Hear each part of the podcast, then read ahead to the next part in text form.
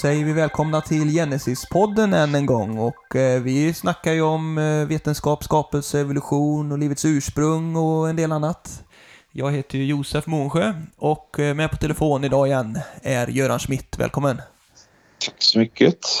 Vi är ju inne i en liten eh, tvådelad serie här, en kort serie på liv och livets ursprung. Och i förra avsnittet pratade vi ju om det här med, med vad liv är. Vad vi kan, alltså det är ju hisnande och fascinerande. Det vill jag verkligen uppmuntra. Har man inte lyssnat på det avsnittet så gör det här nu innan, eh, innan man eh, tar det här avsnittet. Så får man en bra ordning på det hela. Eh, vi har ju en bok som är på väg ut, eh, nytryckt, eller som Apologia förlag ger ut, med Mats Elander som redaktör. Kan ju påminna om den idag här också. Eh, möjligt att den har kommit ut nu när vi släpper det här avsnittet, vi vet inte riktigt.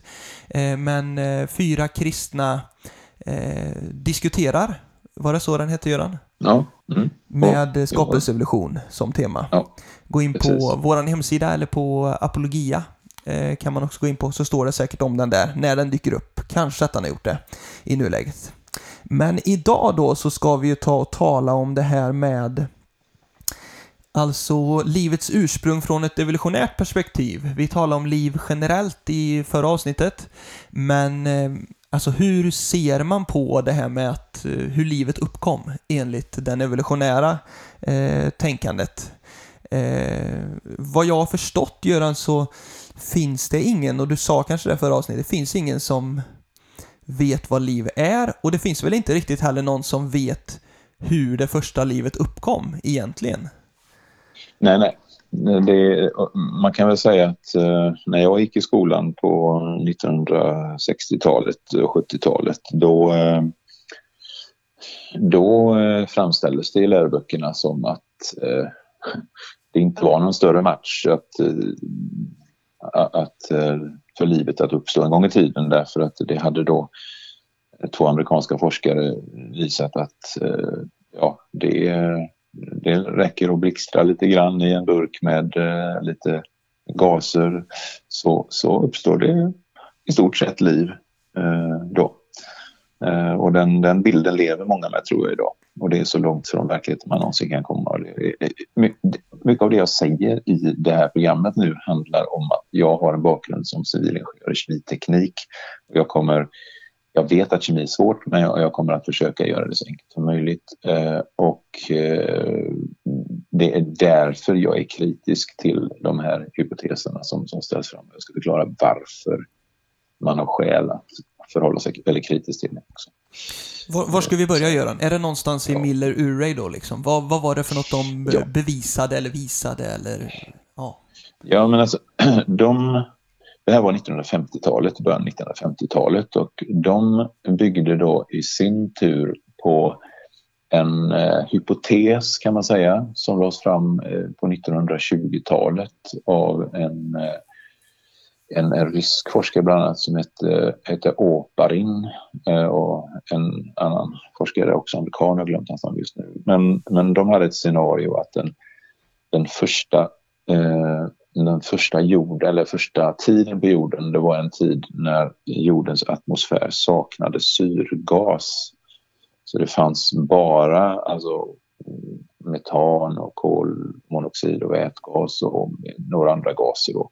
Det var allt som fanns eh, och så vidare. Och, eh, eh, och då uppstod livet. Och då, då, de här, det de här, gjorde de här forskarna på 50-talet det var helt enkelt att de tog de där gaserna och eh, stoppade in då i en, eh, en behållare och blixtrade lite grann. Och, lät det gå något dygn och analyserade resultaten och påträffade då spår av aminosyror i, i det där. Det var det som stod i mina läroböcker. Det var det som gjorde att man nu visste hur livet uppstod. Typ så. Just det. Och vad... Det bildades lite här sa du då, och så liksom, ja, hur mycket säger detta? Ja, det, alltså det, det, som, det som egentligen bildas vid den här typen av kemiska reaktioner, eh, alltså den egentliga reaktionsprodukten, det är då en, eh, en röd, brun, svart gegga som sätter sig på väggarna i glaskärlen, vilket även Miller konstaterade då att det är på det sättet. Det är vad som bildas när man blixtrar med de här ämnena. Men, men och det, den där geggan då, det är alltså en, en sorts eh, jättestora molekyler, kolvätemolekyler som sitter i väldigt komplicerade mönster sådär, som inte har någonting, det är det som kära helt enkelt. Eh, det är det som bildas. Men på vägen dit eh, så bildas det även spår av en mängd andra eh, substanser. Mest bildas det olika syror, alltså organiska syror som eh, myrsyra, ättiksyra och sådana här saker som eh, ja, väldigt sura grejer. Men sen så bildas det också bland annat då spår av aminosyror som är då väldigt små molekyler som, som då eh, en del av dem då används i kroppen till att bygga upp proteiner. Och det var det som var den viktiga grejen då därför att här hade man lyckats visa att bara genom urladdningar i en sån här atmosfär så kan det bildas beståndsdelarna i de proteiner som bygger upp våra kroppar och allt levande. Så det var den revolutionerande grejen. Just det, så eh, lite aminosyror, spår av aminosyror, de fanns där lite, ja. lite, lite grann. Eh, men, men det är ju ett långt steg från aminosyror till, till en levande cell. Det kan man lugnt konstatera, ja. Ehm, eh, därför att det, det, vi består ju av eh, i våra, våra proteiner, alltså, man kan likna våra proteiner, alltså, proteiner är det som bygger upp våra kroppar, allt levandes kroppar. Eh, och proteinerna kan man se som eh, halsband av pärlor eh, där varje pärla är då en av 20 olika aminosyror. Man kan tänka sig som ett alfabet med 20 olika aminosyror. Då sitter de i en bestämd sekvens i varje specifik protein. Eh, och eh, så, så, att, så att de här lösa pärlorna som har bildats vid de här försöken är ju bara så att säga, ja men det är en av de nödvändiga råvarorna som behövs för att konstruera en levande varelse, om man skulle gissa på det. Eller annorlunda uttryckt, om man tar en levande varelse, en människa, och plockar sönder henne i sina beståndsdelar till atomerna räknat eller molekylerna räknat så, så, så handlar det då om proteiner som består av aminosyror och så är det då nukleinsyror, alltså DNA, RNA och sånt där med sina beståndsdelar och så är det lipider, en typ av fett och kolhydrater och lite annat. Sånt.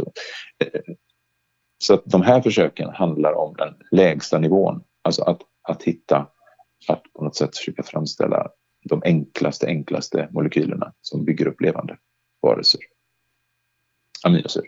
Ja, det lyckades man med. Just det, och eh, då... Alltså proteiner då, de, de, de proteinerna som finns i våra kroppar, alltså är det bara slumpmässigt ihopslängda eh, aminosyror då som, som bildar Nej, alltså det är, så långt, det, det, är så långt ifrån slumpmässigt som någonting någonsin kan komma överhuvudtaget. Därför att för det första så ska ju de här, de här aminosyrorna, nu, nu förutsätter det, så vi har ju då 20 aminosyror som ingår i våra kroppar som sitter ihop till proteiner. Eh, och det är det generellt så i den levande världen. 20 stycken av dem. Så, så det här förutsätter ju då att alla de här 20 aminosyrorna fanns på plats när det första livet uppstod. Då. Och, och, och, och de här 20 olika aminosyrorna de, de, de, ser egentligen väldigt olika ut. De har ett gemensam, en gemensam grundstruktur kan man säga men sen så, sen så ser de väldigt olika ut eh, till sitt utseende. Eh, och det innebär att de måste bildas under väldigt olika eh, omständigheter. Vissa bildas när det är surt, andra när det är basiskt, andra när det är neutralt, andra när det är hög temperatur, andra när det är låg temperatur. Men det här hela scenariot bygger på att de här lyckades bildas eh, under, eh, eller åtminstone samlas på en och samma plats så att de sen kunde bilda kedjor. Alltså pärlorna bildade pärlhalsband då.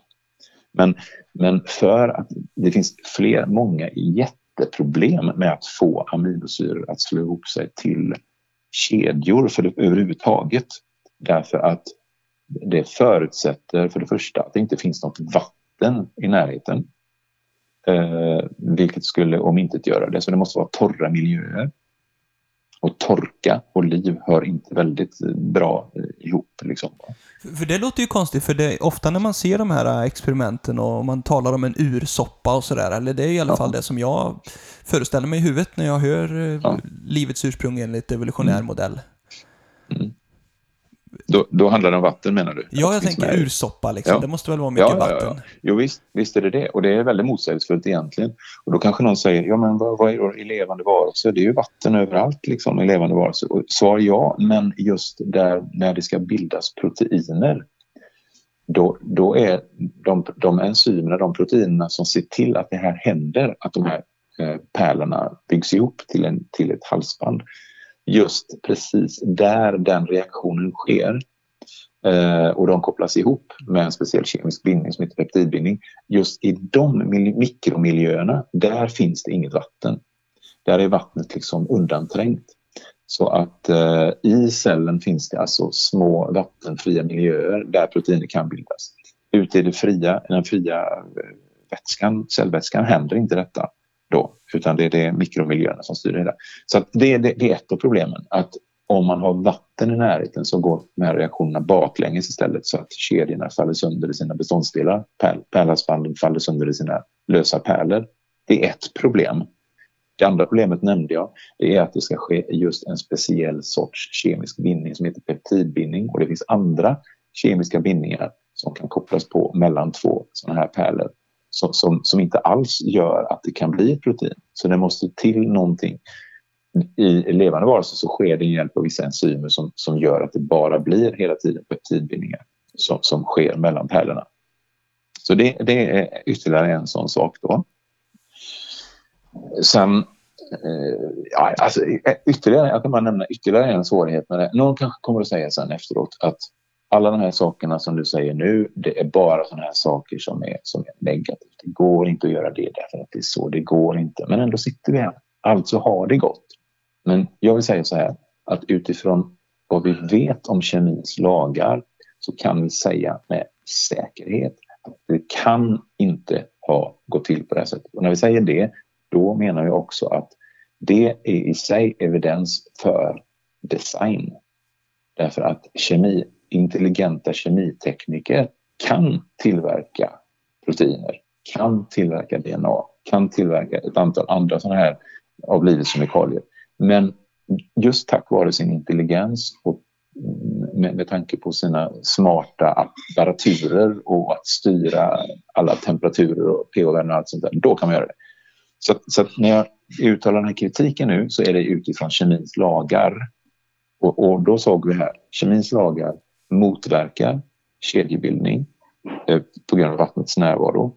Och, eh, och att eh, motverkar också att, att det blir samma kemiska bindning hela tiden. Den tredje grejen det är som jag nämnde förut att det, det, som bildas vid de här försöken är väldigt mycket, framför allt så är det olika organiska syror som ättiksyra, myrsyra och sådana saker. Och de kemiska föreningarna är sådana att skulle de eh, vara i närheten av en sån här kedjebildningsprocess så skulle de effektivt stoppa den processen. Därför att om det ska kunna bildas kedjor av en molekyl så måste det, om, om vi tar en liknelse, vi måste tänka oss att det finns två stycken tryckknappar. Två små, du vet sådana här som man knäpper ihop en jacka med eller sådär. Va? Eh, det måste finnas två sådana på varje molekyl så att man kan högersidan av en molekyl kan man knappa fast i vänstersidan på en annan och, och, och dess högersida i vänstersidan på en tredje och så vidare. Va? Så man kan knäppa ihop dem. Jag tänker lite så här men, brio-järnväg, Göran. Eller? Det skulle, ja, men det är en bra... Det är en bra Tåg, tågbitar liksom, då lägger man dem Precis. och så finns det en ända i nästa som man kopplar på nästa bit. Precis, men om du skulle göra det liksom bara i, blind, i blindo och du då skulle koppla fast en, en sån här järnvägsbit som bara har en tryckknapp och du klickar fast den, då finns det ju ingen tryckknapp i den andra änden som du skulle kunna plocka fast, trycka fast någon annan i. För då har du liksom fått ett, ett slut på den järnvägsrälsen eh, där. Va? Och det är exakt samma sak. De här, alla de här ämnena, och det är inte bara de här syrorna, utan, men de har bara en tryckknapp. En, en så kallad eh, en, en kemisk grupp som går att koppla ihop med. Och det gör, alltså när man tillverkar polymerer, alltså som plast och sånt där i den kemiska industrin, så är det samma princip. Man, ämnen med två tryckknappar som man har. Men, men de, när man, de köper sina råvaror så måste de vara extremt rena. Det får inte finnas spår ens av ämnen som bara har en tryckknapp. För då, då blir det inget utbyte, då bildas ingen, ingen eh, plast. Just det, så det, det, är svårt att bygga långa järnvägar alltså om man bara har slutstationer? Ja, det går, det går inte om det finns sådana. Så, så det här förutsätter att, att den här miljön som den här kedjebildningen bildas i är då en miljö där det bara finns just rätt eh, råmaterial hela tiden och, och där andra typer av material inte får finnas. Då, va? Det krävs alltså en sorteringsmekanism i det hela här som, som inte finns i naturen. Så det, det, var, det, var, det var tre faktorer då. Just det. Jag, jag, vet ju det finns något annat som man snackar om som heter kiralitetsproblemet. Det är en sån här klassisk. Eh, ja. Är det något mer du vill nämna innan eller ska vi ta det nu? Nej, vi kan, vi kan ta det direkt för det är den fjärde grejen som, som, som, som gör att även om det skulle bildas kedjor så skulle de kedjorna som bildas alltså spontant i en, i en pöl i naturen eller i ja, till och med i ett laboratorium, de skulle inte lämpa sig för liv. Och det beror på att eh, aminos, alla aminosyror utom den enklaste av dem som heter glycin, alla andra 19, de eh, är sådana att de finns i minst två varianter. Eh, och de varianterna, de här, om vi tar det för enkelhets skull nu då, vi, vi tar att, att det finns två varianter. Det kallar, man brukar kalla dem för vänsterhandens form och högerhandens form. Levo eller dextro. Kan de heta. Varje aminosyra av de här 19 finns i båda varianterna och de har exakt samma atomer som sitter i, i, i förhållande till varandra. Enda skillnaden är att tar man och gör två modeller av molekylerna och tittar på dem så är de varandras spegelbilder. De går alltså inte att sätta så att de blir exakt samma för de är, de, liksom, ja, men de, de är varandras spegelbilder helt enkelt. Nu hör det till saken att i alla levande varelser, i alla proteiner, i alla levande varelser från bakterier till människor så finns det bara vänsterhandens aminosyra som är kopplad till vänsterhandens aminosyra som är kopplad till vänsterhandens aminosyra. Aldrig någonsin finns det en högerhandens aminosyra i kedjan. För skulle det finnas det, skulle det bli en knyck på den här kedjan som förstör funktionen hos det här proteinet. Så, att, så är det alltid. Och då är frågan så här, nu, är, nu hör det till saken att när, man framst när, när Miller gjorde nu sin, sin, sin, lyckades framställa aminosyror, då var det alltid i lika mycket av båda handens former, så att säga. Va? Och det är det naturliga tillståndet. Det är till och med så att går man till apoteket och köper bara den vänstra handens form, vilket man kan då tillverka, och så löser du det i vatten och så går du och tittar efter några timmar, speciellt om du har värmt det lite grann, så, så är det lika mycket av varje variant. Därför att det är hela tiden en, en, en omvandling mellan de här formerna. Och i, när det är balans så är det lika mycket av varje sort. Så att i naturen bildas alltid blandningar med 50% av varje sort.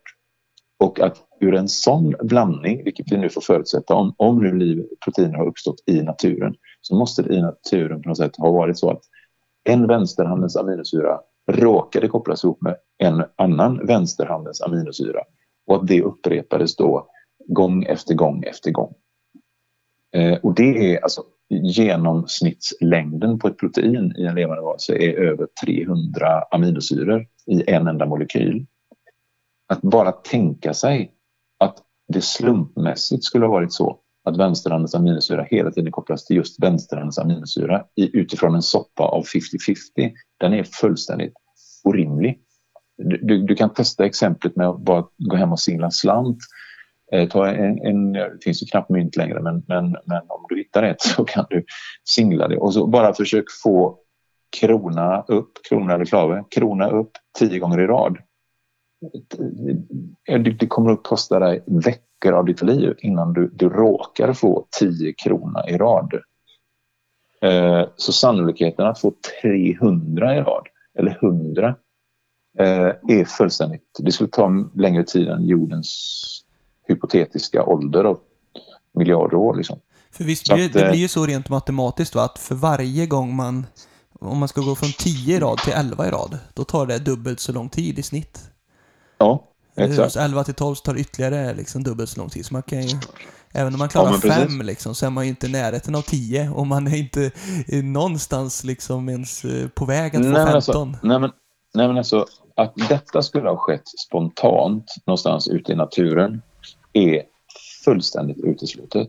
Enda räddningen till ett sånt här scenario vore om det i naturen fanns någon sorts process som gjorde att det inte blev 50-50 utan kanske ja, man hittade någon mekanism som gjorde att det var 99 till 1 istället för att det skulle bli just vänsterhandsval. Det är bara det att någon sån mekanism har man aldrig hittat.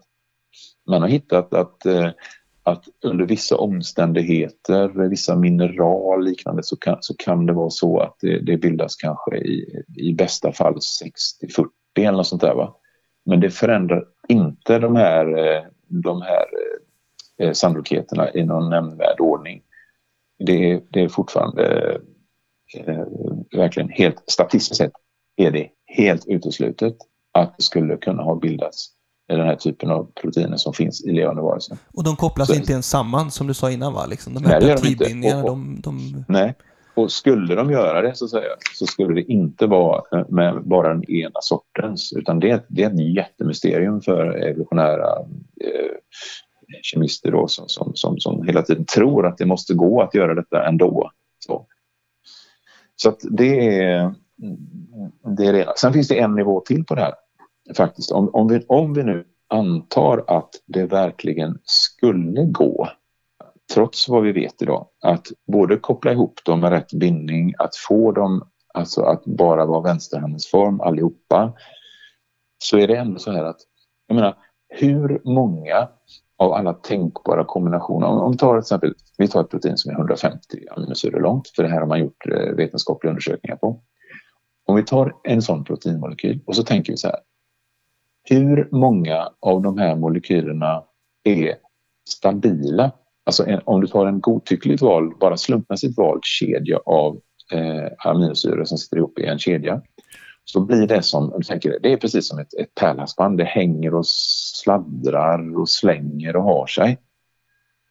Men den, de proteiner som finns i levande varelser som har någon sorts funktion, de är alltid stabila strukturer. Det vill säga de, de, de här små enskilda eh, pärlorna de attraherar andra pärlor på ett specifikt sätt som gör att de här pärlhalsbanden som finns i naturen har alltid en speciell grundform. De är antingen som i en spiral eller som i ett eh, skikt som går, alltså att de går fram och tillbaka hela tiden och attraherar varandra. Så, så att, för, för att en, en proteinmolekyl ska kunna ha en funktion överhuvudtaget så krävs det att den har en stabil grundstruktur. Och det här har man gjort försök på. Därför att av alla tänkbara kombinationer som kan finnas av aminosyror så är det bara en viss andel som bildar stabila strukturer. Och det här är då forskare som har eh, jobbat med de här och man har kommit fram till, och så kan man tänka då, hur många procent av alla tänkbara eh, liksom, sekvenser av aminosyror bildar en stabil struktur hos ett protein. Och eh, en, eh, en, en, eh, en biokemist som heter Douglas Axe har gjort eh, undersökningar på det här och visat att det är inte en procent av alla eh, tänkbara eh, slumpmässiga kombinationer som bildar en stabil grundstruktur. Utan det är en på 10 upphöjt till minus 74. Det är alltså, alltså 10 upp till 74 är ett så stort tal så det går inte ens att föreställa sig. Eh, jordens ålder i, eller universums ålder i evolutionsperspektivet är liksom 10 upphöjt till, eh, ja men 10 upp till 9. Eller 10 upp till 10 någonstans där. Alltså en etta med 10 nollor efter. Och det här är en etta med 74 nollor efter. Precis, för varje nolla man lägger på så blir det tio gånger större. Ja, tio gånger större.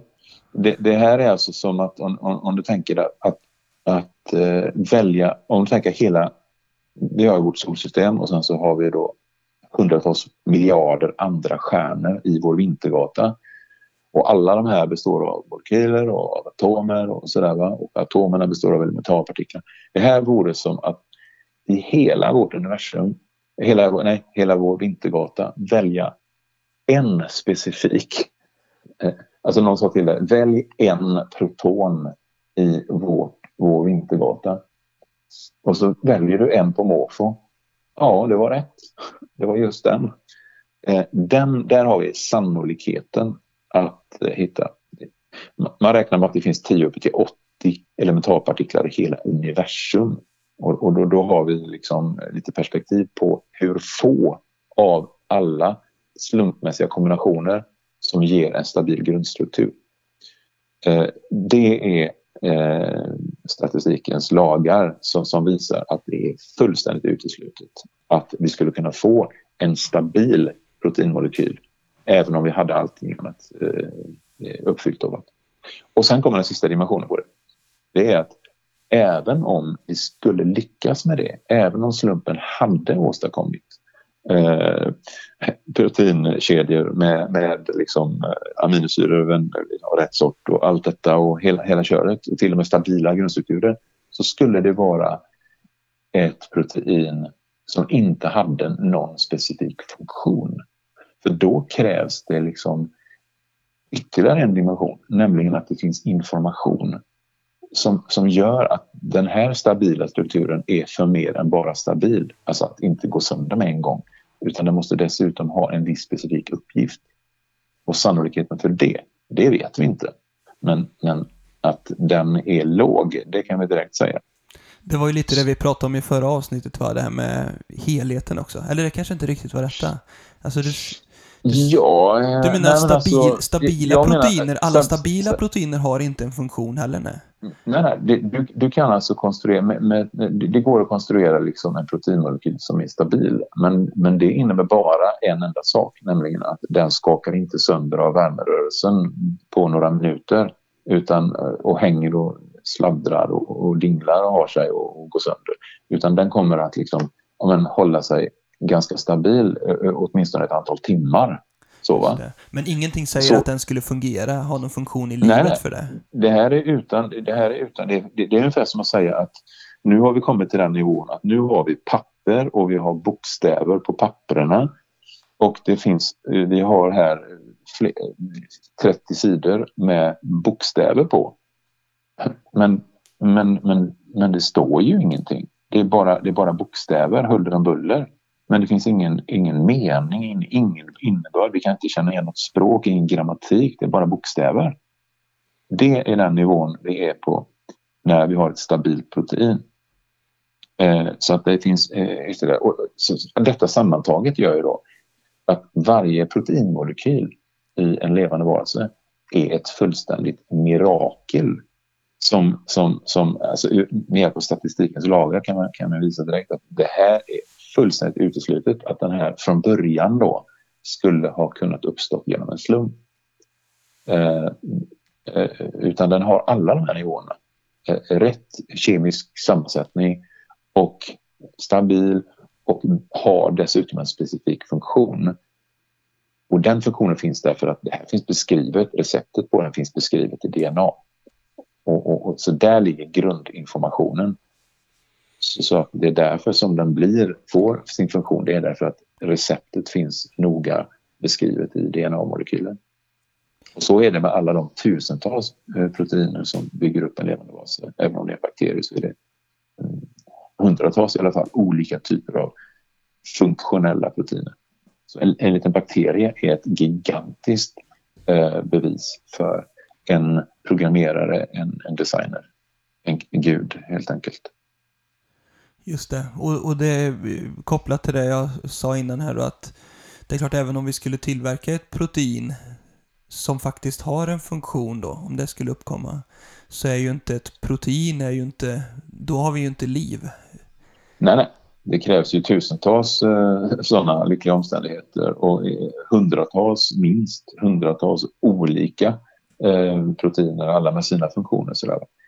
Och, och som sagt var, som vi sa i förra programmet, det här att vi har proteiner, det hjälper ingenting. Jag menar, vi kan ha en, en, en hel hög med eh, jättesnygga funktionella proteiner, men de lämnar åt sig själva. Det blir inte ett dugg närmare liv än om vi hade haft en hög med tegelstenar. Utan det krävs ju då DNA, RNA till exempel. Och, och när det gäller DNA och RNA så är det precis en liknande problematik. De också, de här så kallade nukleotiderna som är DNA och RNAs bokstäver, så att säga, va?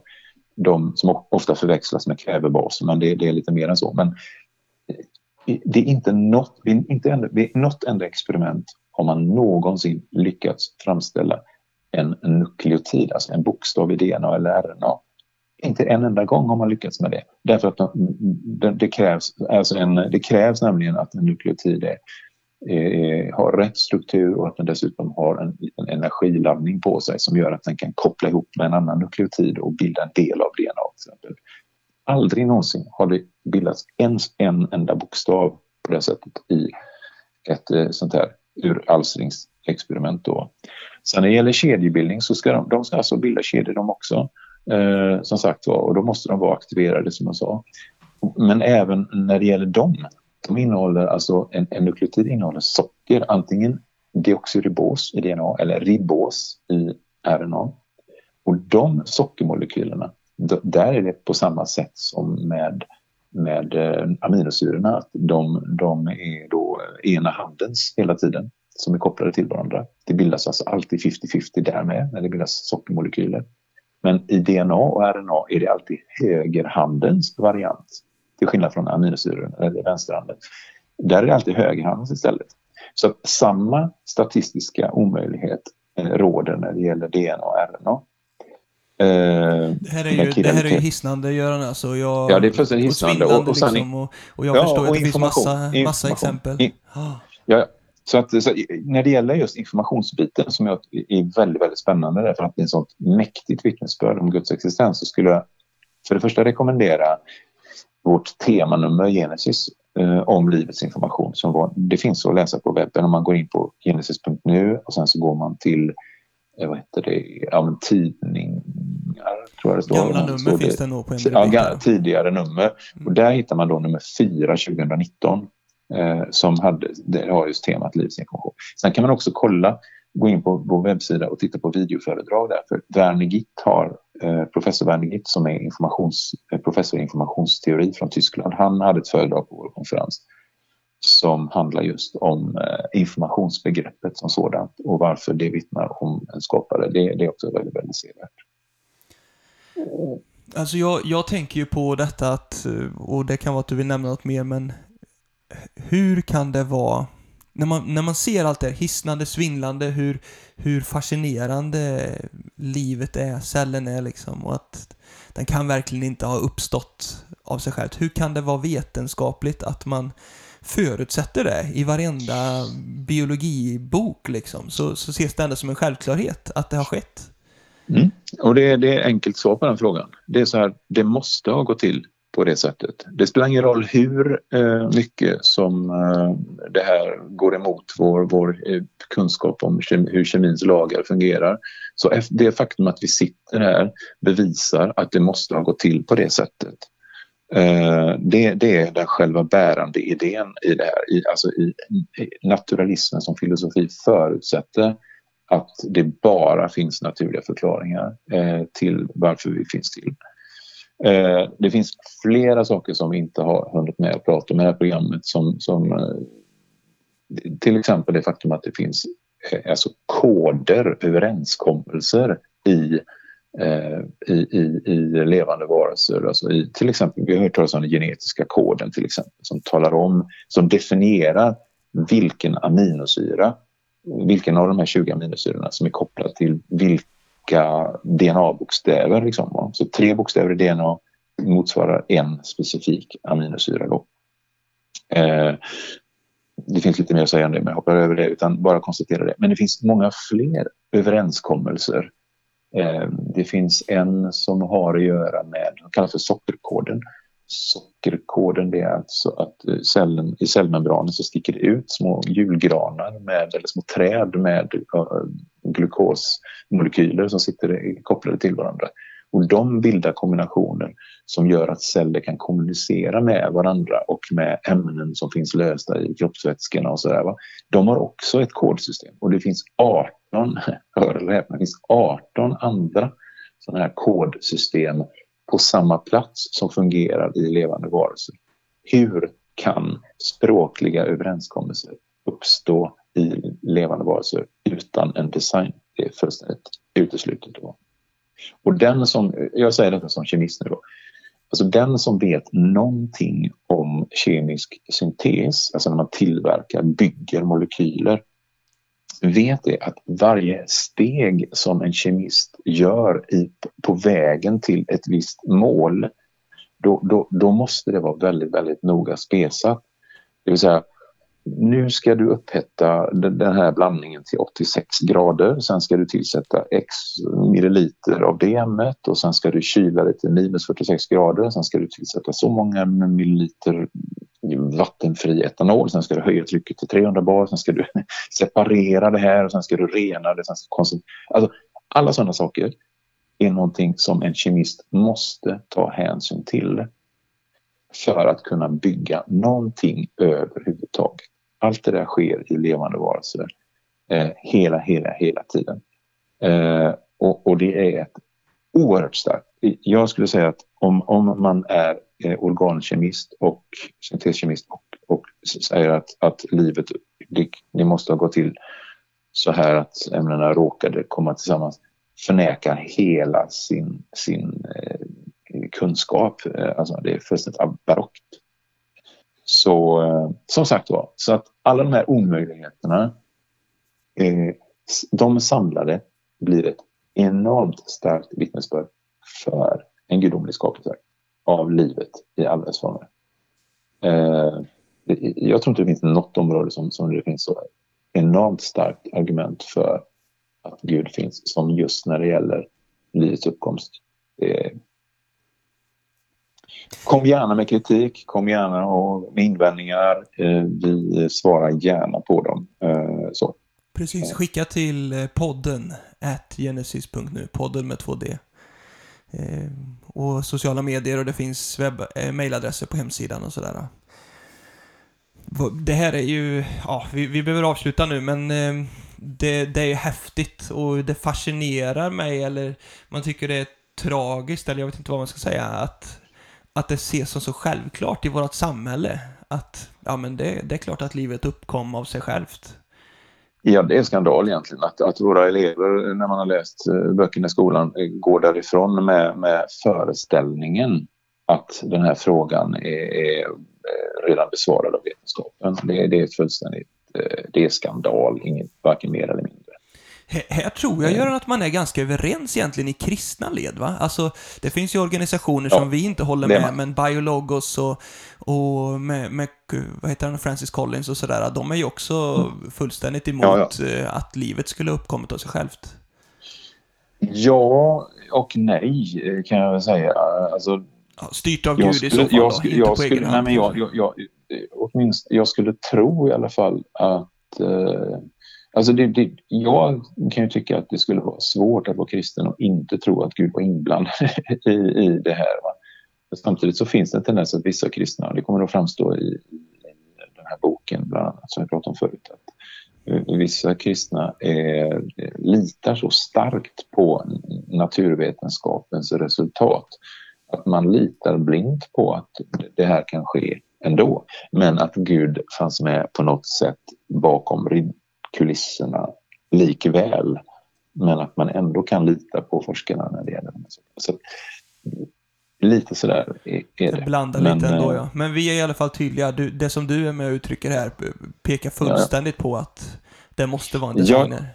Ja, ja, ja. ja. Och det, det, det, det, kan, kan man sin kemi och lita på den så, så kan man inte tro att livet uppstått av, av, eh, genom spontana processer, genom nursoppa. Det är fullständigt eh, då förnekar man sitt, eh, sin kunskap. För den, som, för den som inte förstår allt vi har pratat om så får man eh, ta med sig den slutsatsen. Ja. Eh, det är bra. Vi, Göran, är det något mer du vill tillägga? Nu har vi gått över tiden här lite, men... Ja, nej, nej utan... Eh, ja, det, det, det, finns mer, skulle, men vi tar inte det finns nu. Mer. Nej, precis. Så kan man också. Ja, det är bra.